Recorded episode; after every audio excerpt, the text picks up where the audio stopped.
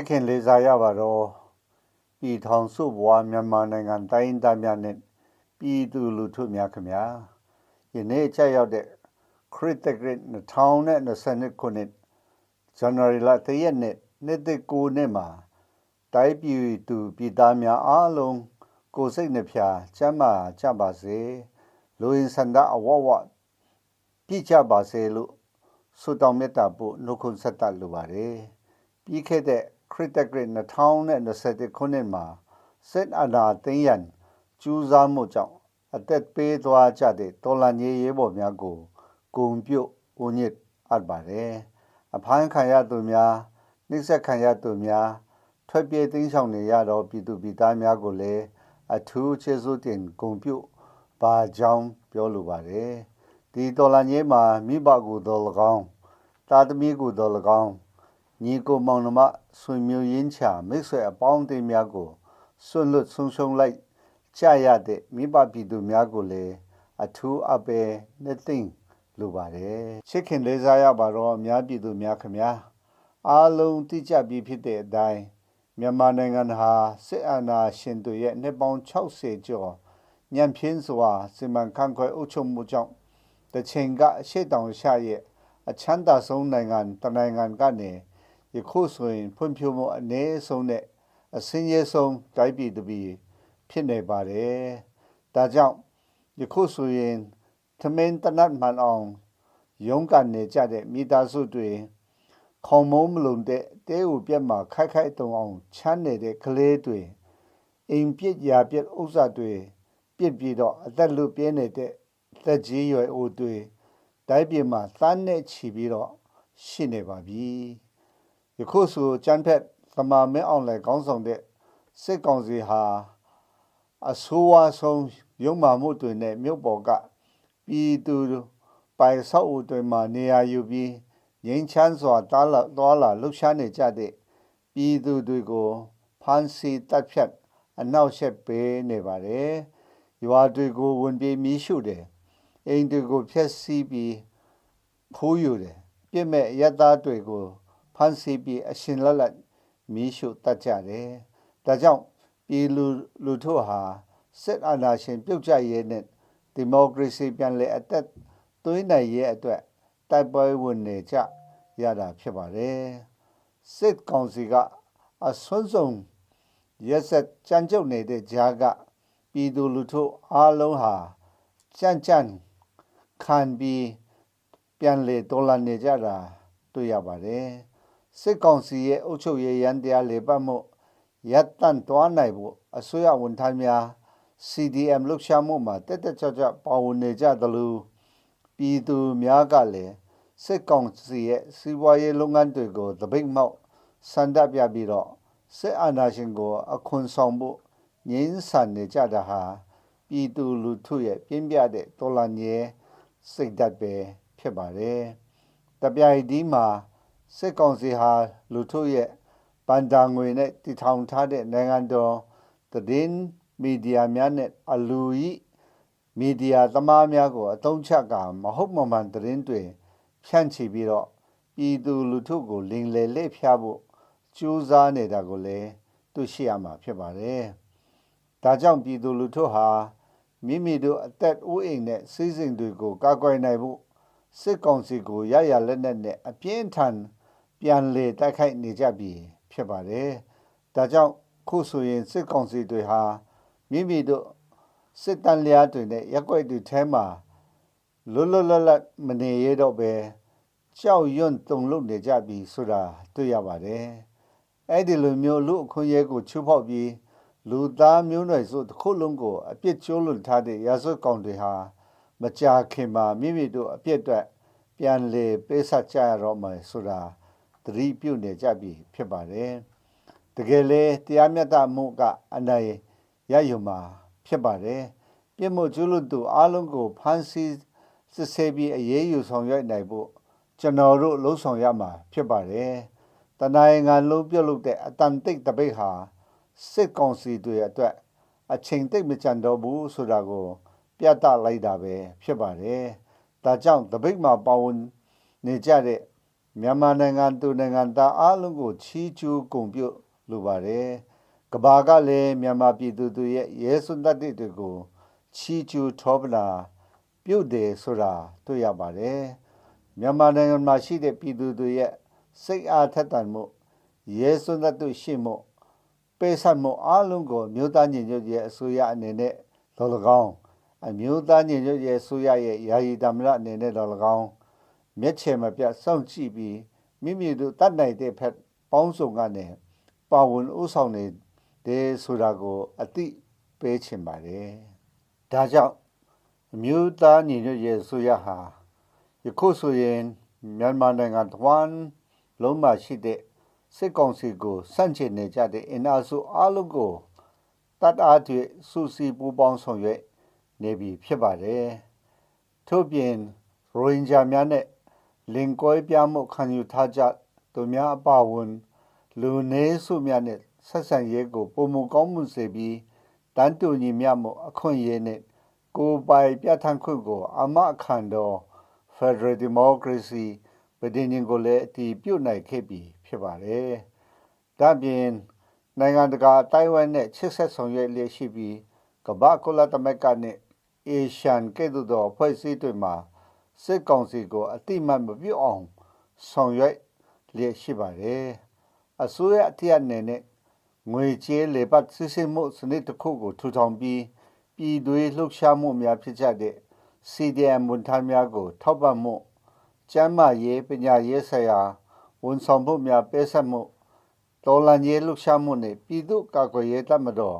PDF များကို စနစ်တကျနဲ့ဖွဲ့စည်းနိုင်ဖို့ကိုညီဆောင်ရွက် ထောက်ပံ့ပေးနေပြီဖြစ်ပါတယ်။ထို့ပြင်နိုင်ငံတကာအဖွဲ့အစည်းများနဲ့ချိတ်ဆက်ပြီးဒုက္ခပင်လယ်ဝေနေတဲ့မြန်မာလူထုကိုလူသားချင်းစာနာမှုအထောက်ပံ့တွေပေးဆက်ကူညီနိုင်ဖို့အိန္ဒိချင်းနိုင်ငံကိုထွက်ပြေးခိုလုံနေကြတဲ့လူတွေကိုကိုညီကာကွယ်ပေးဖို့ကိုဒဇိုင်းမတ်မဆောင်ရွက်လက်ရှိပါတယ်အမျိုးသားညီညွတ်ရေးဆိုရအနေနဲ့ နိုင်ငံတကာလူသားချင်းစာနာမှုဆိုင်ရာအကူအညီများနဲ့ပတ်သက်တဲ့မူဝါဒသဘောထားရိုဟင်ဂျာပြည်သူများနဲ့ပတ်သက်တဲ့မူဝါဒသဘောထားယင်းနေမြုံမှုနဲ့ပတ်သက်တဲ့လမ်းညွှန်ချက်စီးပွားရေးအရာအရေးယူမှုနဲ့ပတ်သက်တဲ့မူဝါဒသဘောထားစတဲ့အရေးကြီးတဲ့မူဝါဒသဘောထားများကို ထုတ်ပြန်ကြေညာပြီးဆောင်ရွက်လက်ရှိပါတယ်ချစ်ခင်လေးစားရတဲ့တိုင်းသားလူမျိုးများခင်ဗျာ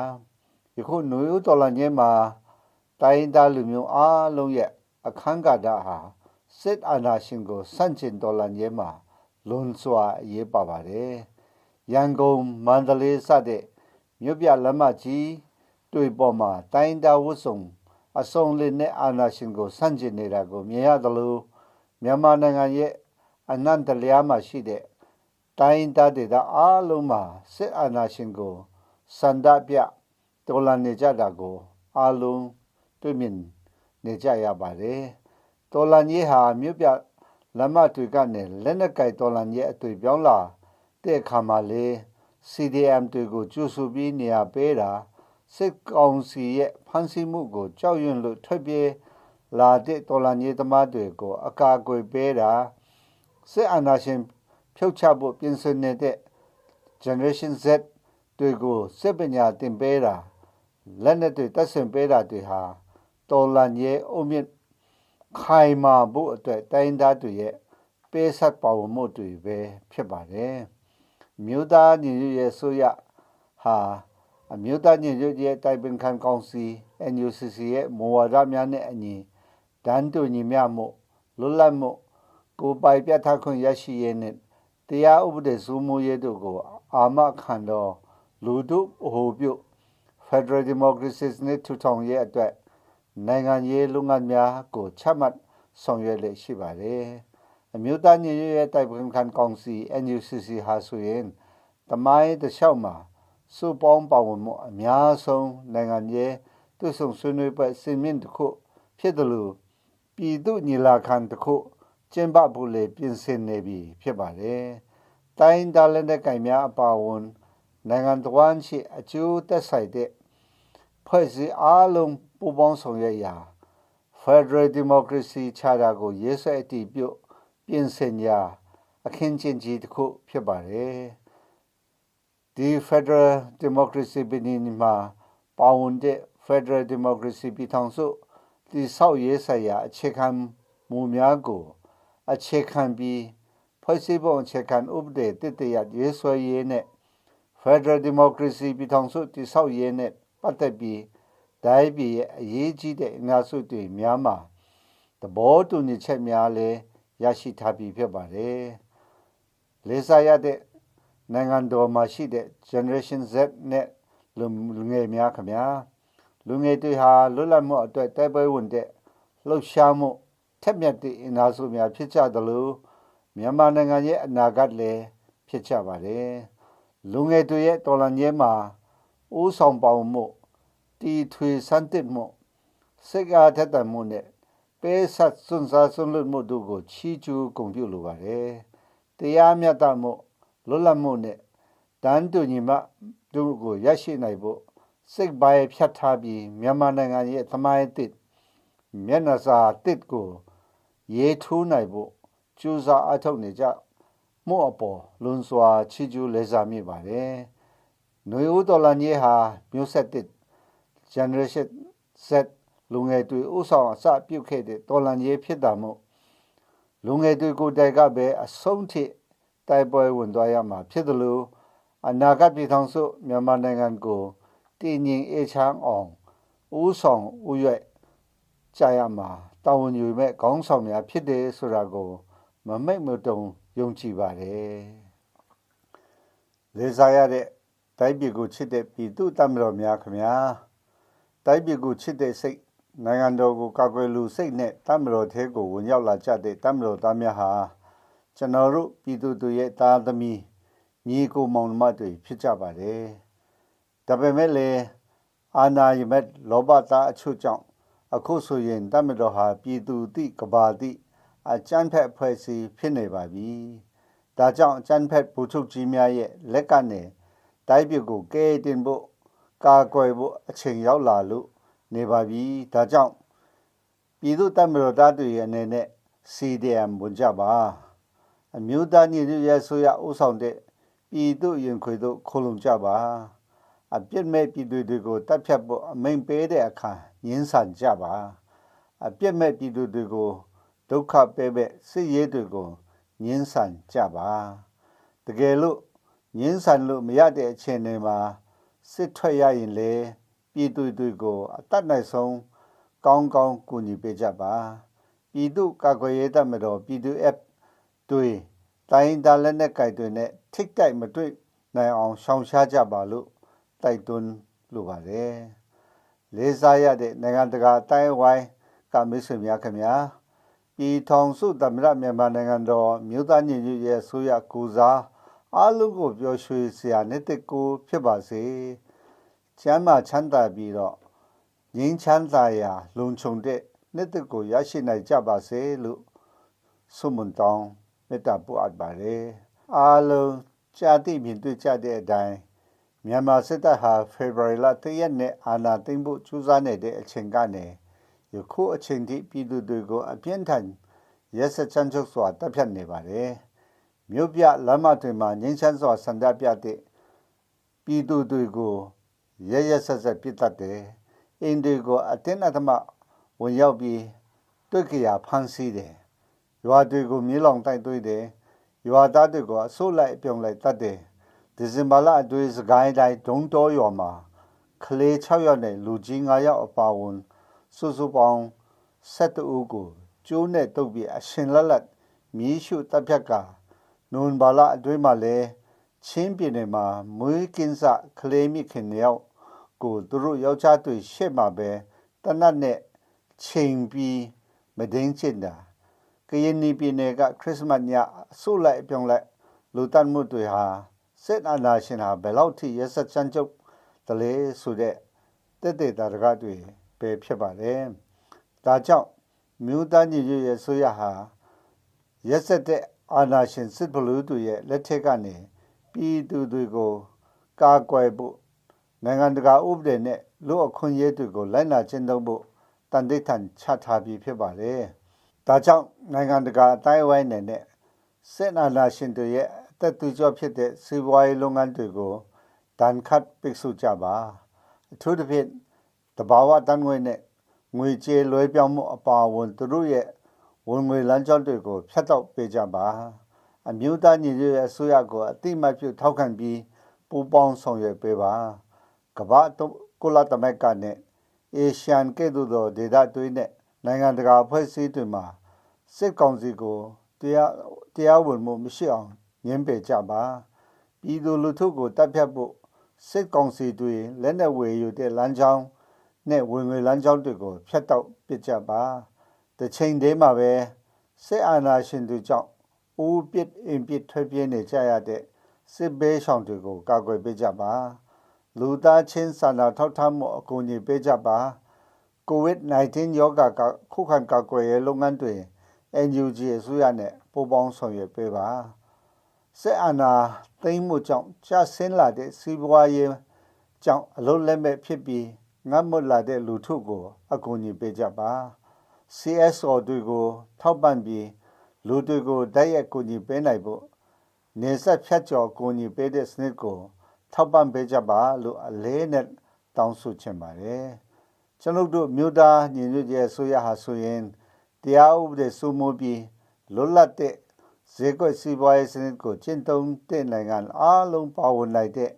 Federal Democracy နိုင်ငံနိုင်ငံတကာအတိုင်းအဝိုင်းနဲ့တော်၎င်း အင်းကြီးချင်းနိုင်ငံများနဲ့တော်၎င်းနိုင်ငံရေးအရာစီးပွားရေးအရာယင်းနီချစ်ချေမှုကိုတည်ဆောက်နိုင်သောနိုင်ငံတစ်ခုတည်ဆောက်ဖို့တန်တိတန်ပြုထားပါတယ်။ဒါကြောင့်ပြည်ထောင်စုမြန်မာနိုင်ငံရှိတိုင်းသားလူမျိုးများနဲ့မိတ်ဆွေနိုင်ငံတကာအတိုင်းဝိုင်းများအနေဖြင့်စစ်အာဏာရှင်ပြုတ်ကျရဲနဲ့သာယာဝပြောပြီးငြိမ်းချမ်းတဲ့လူအတိုင်းဝိုင်းတစ်ခုဖန်တီးနိုင်အောင်အတူတကွကြိုးစားလှုပ်ဆောင်ကြပါစို့ စစ်ကောင်စီဟာအဆုံးထိရုံမှပြီးရက်ဆက်ကြမ်းကြုတ်နေပေမဲ့ပြည်သူလူထုရဲ့အမှန်တရားကိုမျက်နှာမှုတရားမျှတမှုကိုဆာလောင်မှုလွတ်လပ်မှုကိုရယူလိုတဲ့ခံယူချက်များကိုစစ်ကောင်စီအနေနဲ့အနိုင်မြူနိုင်ဘူးဆိုတာတွေ့ရပါတယ်စစ်ကောင်စီဟာ94တန်းရှိတဲ့လူထုကိုချုပ်နှောင်ပိတ်လောင်ထားဖို့မဖြစ်နိုင်ပါဘူးစစ်ကောင်စီဟာရက်ဆက်စံချုပ်မှု တာရှိပါတယ်တရားဝင်မှုလုံးဝမရှိပါဘူးဒါကြောင့်မြို့သားညီညွတ်ရေးဆိုရဟာပြည်သူလူထုကိုကာကွယ်ဖို့ခုခံကာကွယ်စစ်ကိုတိုင်းသားလက်နက်ကင်များပြည်သူကာကွယ်ရေးတပ်မတော်နဲ့ပူးပေါင်းဆောင်ရွက်နေပြီဖြစ်ပါတယ်ပြည်သူကာကွယ်ရေးတပ်များလိုက်နာဆောင်ရွက်ရမယ်စစ်ပက်ဆိုင်ရာကျင့်ဝတ်စည်းကမ်းများကိုထုတ်ပြန်ပြီးလိုက်နာဆောင်ရွက်ဖို့ကိုလည်းကြက်မှတ်ဆောင်ရွက်လက်ရှိပါတယ် နိုင်ငံတကာတိုင်းဝဲနဲ့ပူးပေါင်းကစစ်အာဏာရှင်ရာဇဝတ်သားများကိုအပြည်ပြည်ဆိုင်ရာတရားရုံး ICC ကဲ့သို့သောတရားရုံးတွေမှာတရားစွဲအပြစ်ပေးနိုင်ဖို့ဆက်လက်ဆောင်ရွက်နေပြီဖြစ်ပါတယ်။အပြည်ပြည်ဆိုင်ရာတရားစီရင်ပိုင်ခွင့် Universal Jurisdiction ကိုလက်ခံကျင့်သုံးတဲ့နိုင်ငံတွေမှာလည်းတရားစွဲဆိုဖို့ပြင်ဆင်နေပါတယ်။စစ်ကြောင့်အတိဒုက္ခရောက်နေကြတဲ့ ပြည်သူလူထုကိုတတ်နိုင်သမျှကိုညီထောက်ပံ့ပေးဖို့နဲ့အကာအကွယ်ပေးနိုင်ဖို့ဆက်လက်လှုံ့ဆော်နေပြီဖြစ်ပါတယ်။အရေးကြီးဆုံးကစစ်ကောင်စီပြုတ်ကျပြီးဒီမိုကရေစီစနစ်ပြန်လည်ထွန်းကားလာဖို့အမြန်ဆုံးကြိုးစားဆောင်ရွက်နေပါတယ်။အမျိုးသားညီညွတ်ရေးဆိုရဟာလူနေစုများအပါဝန်မြန်မာနိုင်ငံရှိတိုင်းသားအားလုံးနဲ့ပူးပေါင်းကာ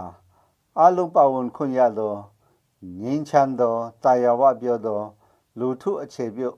ဒီမိုကရေစီစနစ်ကိုထူထောင်ဖို့တန်တိတ်ချန်ချထားသလိုကြိုးစားဆောင်ရွက်နေပြီဖြစ်ကြောင်းပြောကြရင်ကျွန်ုပ်ရဲ့နေ့တစ်ကိုမင်းကုန်းကိုနေကုန်းချုပ်လိုပါတယ်အားလုံးနေ့တစ်မှာစစ်ဘေးဒဏ်တဘာဝဘေးဒဏ်များမှကင်းလွတ်ပြီးငြိမ်းချမ်းမှုပျော်ရွှင်မှုများကိုခံစားနိုင်ကြပါစေ